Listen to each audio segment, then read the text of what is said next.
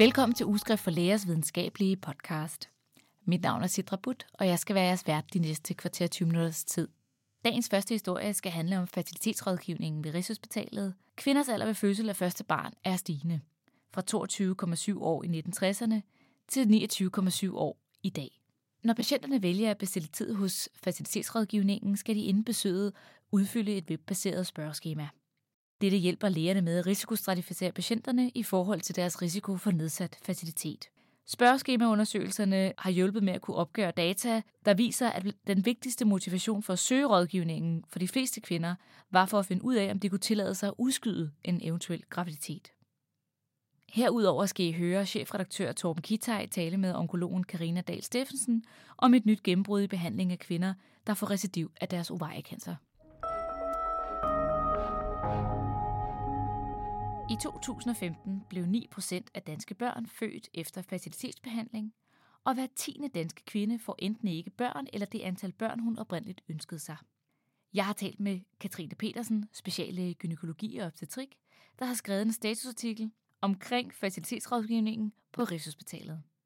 Hun fortæller blandt andet, at fertilitetsrådgivningen kunne have en forebyggende effekt på antallet af kvinder, der får behov for fertilitetsbehandling. Jeg ringede til Katrine, mens hun var på vej hjem fra Holbæk sygehus mod København. Fertilitetsrådgivning er et øh, koncept, som øh, opstod for fem år siden, som handler om at rådgive mænd og kvinder omkring deres frugtbarhed og deres chance for at kunne opnå en spontan graviditet. Men hvorfor fertilitetsrådgivning? Der er jo fertilitetsbehandling i Danmark. Man kan jo gå til egen læge. Hvorfor rådgivningen? Jamen, rådgivning henvender sig til øh, de mænd og kvinder, som ikke har nogen reproduktive problemer. Det vil sige øh, mænd og kvinder, som har forsøgt at blive gravide øh, et, under et år, eller slet ikke forsøger at blive gravide. Hvis man har forsøgt at blive gravid mere end et år, så har man ikke brug for rådgivning, så har man brug for fertilitetsbehandling. Og hvad, hvad er det hovedpunkterne, I finder frem til, øh, i det I kigger på jeres tal? Det øh, vi kan se ud fra vores tal, det er, at øh, vi har jo lavet en, en toårs opfølgning baseret på det risikovurderingsskema, vi lavede til det her, øh, det her koncept. Risikovurderingsskemaet er baseret på nogle faktorer, som man enten har evidens for, har indflydelse på en chance for at blive gravid, eller i hvert fald, øh, eller hvor man mistænker, at det har indflydelse. For eksempel øh, alder, for eksempel gynækologiske historie, altså graviditeter uden for livmoren, endometriose, hvis man tidligere er opereret, øh, og så også øh, livsstilsfaktorer som, som øh, rygning og BMI, og i den her dur. Og så ud fra det, så laver man simpelthen en risikoscore, hvor folk så får at vide, om de har lav, mellem eller høj risiko for øh, uforvillig barnløshed. Og så gjorde vi det, at øh, for at validere øh, det her koncept og det her schema, så øh, lavede vi en toårs opfølgning, hvor at øh, vi hørte ind til, øh, om folk havde været gravide i de to år efter, de havde været set i, i, øh, i fertilitetsrådgivning. Og så prøvede vi at sidestille det med, hvor lang tid havde det så taget dem at blive gravid. Og ud fra det kunne vi så se, at øh, hvis det var, at man havde haft mindst et høje risikosvar, så havde man faktisk en 75% nedsat chance for at blive gravid spontant inden for et år. Så vi mener, at øh, selvom at det kun er en toårs opfølgning, og øh, dem vi primært har set er en homogen gruppe, at, øh, at det er et koncept, som, som bestemt, øh, at der er noget, noget dybde i det, og der er også noget basis for, at, øh, at man kan rådgive kvinder ud fra det her koncept. Der er tre forskellige risikogrupper. Der er lav, ja. mellem og høj der er visse kriterier, der gør, at man automatisk kommer op i højrisikogruppen. Ja. Jeg synes ikke, jeg kan se sådan noget som øh, polycystisk syndrom, som mange kvinder har. Det synes jeg ikke, jeg kan se i tabellerne. Jeg ved ikke, om det er bare mig, eller om, om det for eksempel er noget, hvor man går hen og bliver henvist til facilitetsbehandling, eller rådgiver jeg som det? Polycystisk syndrom er også øh, velkommen til at komme i klinikken. Um, men øh, vi har ikke øh, valgt at tage det med i vores øh, risikovurderingsskema, fordi at øh, man ved selvfølgelig, at øh, det der med, at man har langt imellem sine ægløsninger, skal gøre det sværere at blive gravid. Men øh, mange kvinder med PCOS er typisk ret unge, og når man er ung, så har man øh, nogle rigtig gode æg, så derfor så har man sådan set en rigtig god chance for at blive gravid, hvis bare man rammer sin ægløsning. Så derfor har vi ikke valgt at tage det med, hvorimod vi ved, at alder har stor betydning for en chance for at blive gravid. Fordi vi vil også gøre op med nogle af alle de myter, at, at selvom man spiser sundt, og man motionerer og sådan noget, så kan man desværre ikke motionere sig til yngre æggestokke. De har altså den alder, som kvinden hun har, og det har stor indflydelse på en chance for at blive gravid. Og øh, det er blandt andet også nogle af de ting, som vi informerer folk om, når det er, de kommer ind og får rådgivning. Blandt andet det der med, hvis det er, at du er 20 år gammel, så har du 34% chance per måned for at blive gravid og føde en baby. Men er du 30, er den chance øh, halveret til 17 procent, og er du 40, så er chancen kun 6 procent per måned for at blive gravid og føde en baby, forudsat at man har to samlejer om ugen. Så vi mener, at øh, der er behov for mere oplysning af de danske kvinder.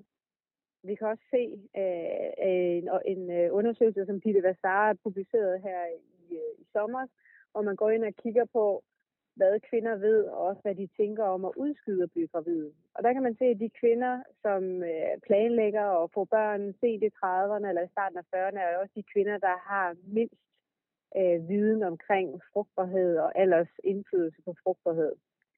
Så, så, så der er virkelig der er behov for at, at uddanne kvinder, og selv øh, veluddannede kvinder i Danmark omkring alder og frugtbarhed er det viden? Fordi at det, det lyder så bare som om, at det er en overvurdering af ens egen frugtbarhed. Det skriver I også, eller det skriver du også, ja. at, at det er mere en overvurdering. Det kan godt være, at de ved, at okay, der er, der er mindre sandsynlighed, men det sker nok ikke for mig.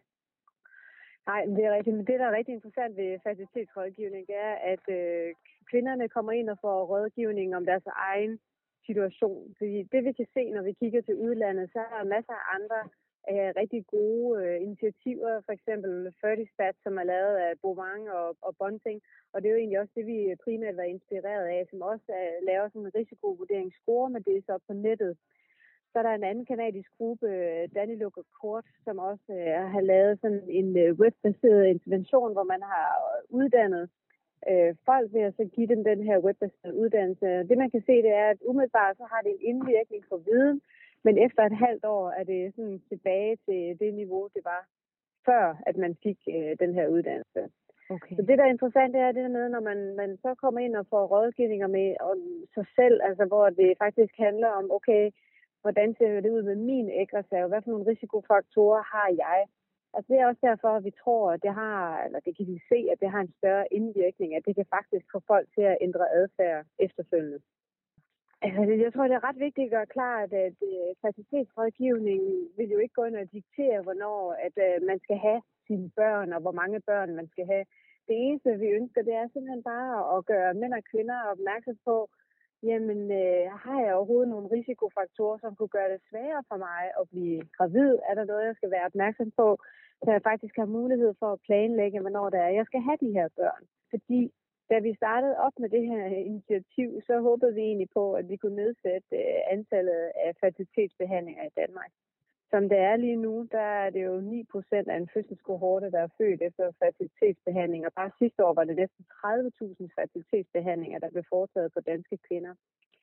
Og når man sådan kigger på, på andelen af fertilitetsbehandlinger per kvinder, så er det faktisk øh, det største andel i verden.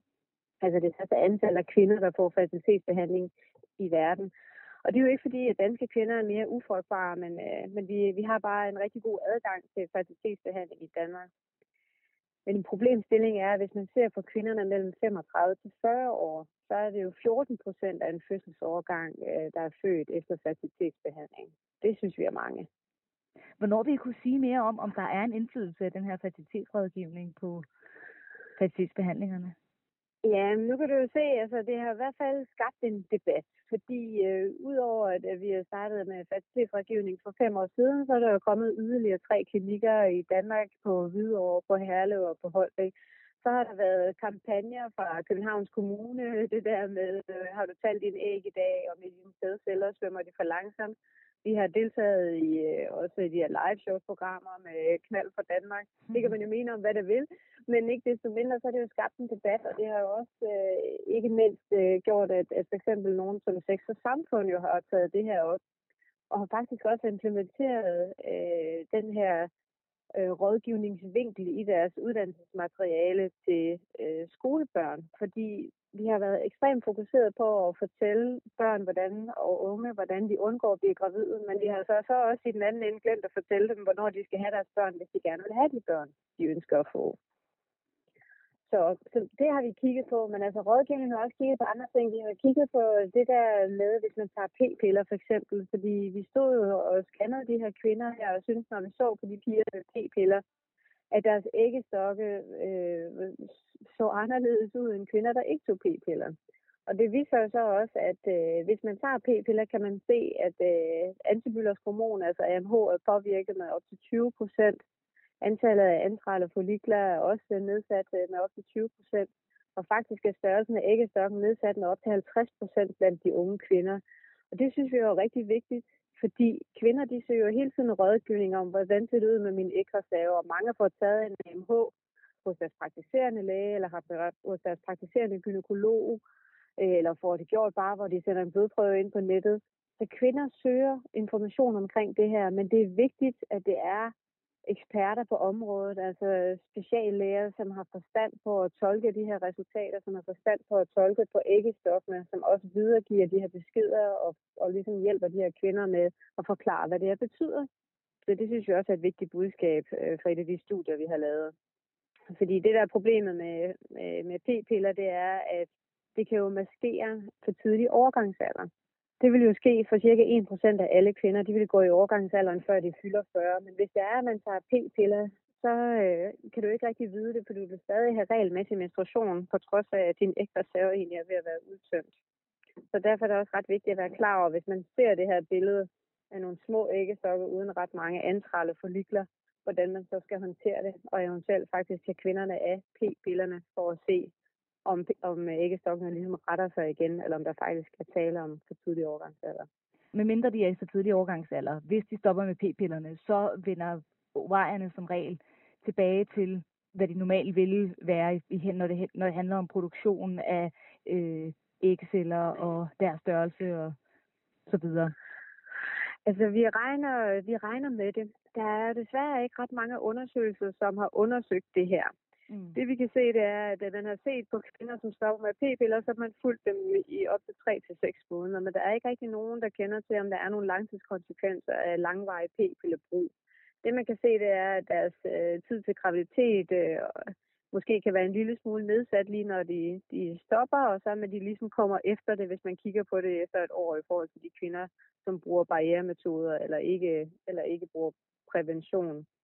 Men det er noget, som vi blandt andet også er ved at kigge på nu i fertilitetsrådgivning, øh, hvor at vi følger øhm, øh, 80 kvinder, nogen med lav ægreserve, nogen med mellem ægreserve og nogen med høj ægreserve, hvor de så stopper med deres p-piller, og så hvor vi simpelthen ser på deres hormoner efterfølgende, hvordan agerer de her øh, kvinder, og hvad sker der med deres hormoner, og hvad, hvad sker der med, med udseendet af deres æggestokke, når man stopper med p-piller efter at have taget dem i mindst tre år det lyder meget spændende, fordi det kan jo betyde, om der er noget langsigtet påvirkning af p-piller på nogen som helst måde. Lige præcis. Ikke? Lige præcis. Men for at summere op, eller komme med et klart budskab, at sige, det, det primære med fertilitetsrådgivning er simpelthen at hjælpe mænd og kvinder med at få det antal børn, som de gerne vil have. Og det ønsker vi at gøre, fordi hver tiende kvinde i Danmark har enten ikke det antal børn, hun gerne vil have, eller har slet ikke børn. Og 23 procent af de danske mænd mellem 45 til 55 er barnløse.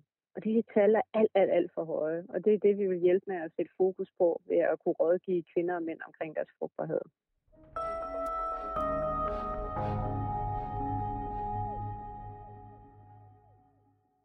Det lader umiddelbart til, at facilitetsrådgivningen kunne måske have en forebyggende effekt på antallet af kvinder, der får behov for facilitetsbehandling. Ønsker I at læse mere omkring Katrines opgørelse, kan I læse mere om det i hendes statusartikel i det seneste nummer af Uskrift for Læger. Dagens næste historie skal handle om et gennembrud i behandling af ovariekancer. Chefredaktør Torben Kitaj har talt med overlæge og onkolog Karina Dahl Steffensen om en ny behandling, der har færre bivirkninger og udskyder recidivraten af ovariekancer. Der er tale om vedligeholdelsesbehandling efter kemoterapi, og resultaterne er publiceret i New England Journal of Medicine af et dansk team fra Rigshospitalet. Kan du fortælle mig, den her undersøgelse, hvad er det særlige ved den her undersøgelse? Altså den nye undersøgelse øh, med niraparib som en parphæmmer, er, at det også ser ud til, at patienter, som ikke har en medfødt øh, BRCA-mutation, altså en genændring, enten i en medfødt genændring eller en ændring i deres svulstvæv, også har gavn af den her effekt. Det er det nye. Og det er et gennembrud i forhold til den tidligere behandling, man har godkendt med øh, det her olaparib, ikke sandt? Jo, den tidligere godkendelse både fra EMA og fra KRIS var på baggrund af, at patienten enten skulle have en medfødt ændring i BRCA-generne, eller en erhvervet ændring i BRCA-genet i deres kraftknude. Så der var ligesom et, et krav ekstra, at man skulle finde den her genændring, for at patienten kunne få tilbudt den her behandling. Og der mener den her danske undersøgelse, som jo kommer fra Rigshospitalet, der har man altså testet nogle, det nye medicament her og når nogle positive resultater. Du lyder en lille smule forbeholden i din kommentar. Øh, er det rigtigt? Altså, jeg synes, det, jeg har svært ved at se, at det er et gennembrud. Altså gennembruddet med paphæmmerbehandling kom i 2009, hvor det første fase 1-studie blev publiceret. Og der var det helt klart et gennembrud, at man så nogle øh, hvad skal man sige, effekter på kraftknuden af de her paphæmmer, som jo er kapsler eller tabletter, noget helt andet end kemoterapi, og at sidde i en kemoterapistol med en nål i armen. Så der var det et kæmpe gennembrud i 2009. Det studie, vi ser nu, er jo en, hvad skal man sige, en, øh, en gentagelse af et studie, som blev publiceret i 2012, bare med et andet firmas paphæmmer. Så jeg, så jeg synes, at gennembruddet ligger nogle, længere, nogle år længere tilbage end det her. Men selvfølgelig er det rigtig spændende, at det ser ud til, at det kan komme flere patienter til gavn, hvis, hvis det ikke er påkrævet, at man skal have den her BRCA-ændring. Det, det er jo en sygdom, som har en betydelig dødelighed, så der er jo stor ja. interesse for, at man kan finde selv små gennembrud. Så det ja. er vel, som du også skriver et eller andet sted, en form for behandling, som er kommet for at blive, og det kan jo godt være, at den giver nogle bedringer for de, mm. de, de, de patienter her. Det tror jeg også, og jeg tror også, at i forhold til at skulle have kemoterapi, så ser det ud som om, at den her behandling har væsentligt færre bivirkninger i en kemoterapi. Det er nok næppe noget, man bliver helbredt af. Altså, jeg tror også, det vil være at stikke patienterne blå i øjnene, hvis man tænker, nu er der sket et gennembrud, nu bliver de helbredt af deres æggestokkekræft. Det tror jeg næppe, de gør, men man kan formentlig få forlænget livet væsentligt og med nogle helt tålige bivirkninger. Altså, de tal, som undersøgelsen når frem til, er jo nogle betydelige stigninger i overlevelsen fra 5,5 måneder til 21,5 måneder, mens den i gruppen mm. uden mutationer stiger fra 3,9 til 9,3 måneder. Det er vel mm. betydelige mm. fremskridt? Jo, det er fremskridt i den progressionsfri overlevelse. Der er ikke nogen data på, at det giver forlængelse i det, der hedder overall survival. De data kommer først senere. Så det er det, der hedder PFS, øh, der er data på. Og det er helt klart øh, en forlængelse af den der overlevelse, indtil man næste gang får et tilbagefald. Men nu er det jo ikke hver dag, man ser sådan en dansk undersøgelse blive publiceret i New England Journal of Medicine. Og det, øh, det, er vel et af, det er vel på en eller anden måde en betydelig, nogle betydelige resultater, forfatterne er nået frem til. Ja, det er bestemt ikke uenig. Jeg synes, det er nogle enormt flotte resultater, og jeg synes også, at forfatterne skal, skal ønske tillykke med, med det flotte resultat. Jeg synes, det er flot både for Danmark og for Norden. Nu er det et nordisk øh, NSGO-studie, så jeg synes, at det er flot øh, fra samtlige forfattere. Det, det, det må man ikke være i tvivl om. Jeg synes også, det er godt for patienterne. Men stadigvæk så mener du alligevel, der er et stykke vej, før vi kan sige, at den her sygdom kan behandles, øh, så man øh, altså reelt behandles, så man ikke længere risikerer at dø af den. Ja, altså det er ikke, det er ikke helbredelse, vi taler om. Altså jeg tror, jeg er meget tilhænger af, at man er ærlig over for sine patienter. Vi havde også mange patienter, der ringede ind, øh, efter det her var publiceret og troede, at nu kunne de blive helbredt af deres æggestokkekræft. Og der er det også noget af en opgave at samle den op bagefter og sige, jamen øh, indtil videre er det kun en subgruppe af patienter, der bliver tilbudt. Det er patienter, som får et tilbagefald, som stadigvæk er følsom for kemoterapi. Og det er en vedligeholdsbehandling, når man er færdig med at få kemoterapi. Så det er ikke noget, øh, der bliver umiddelbart tilbudt til alle patienter med æggestokkekræft, uanset hvor de er henne i deres sygdomsforløb desværre.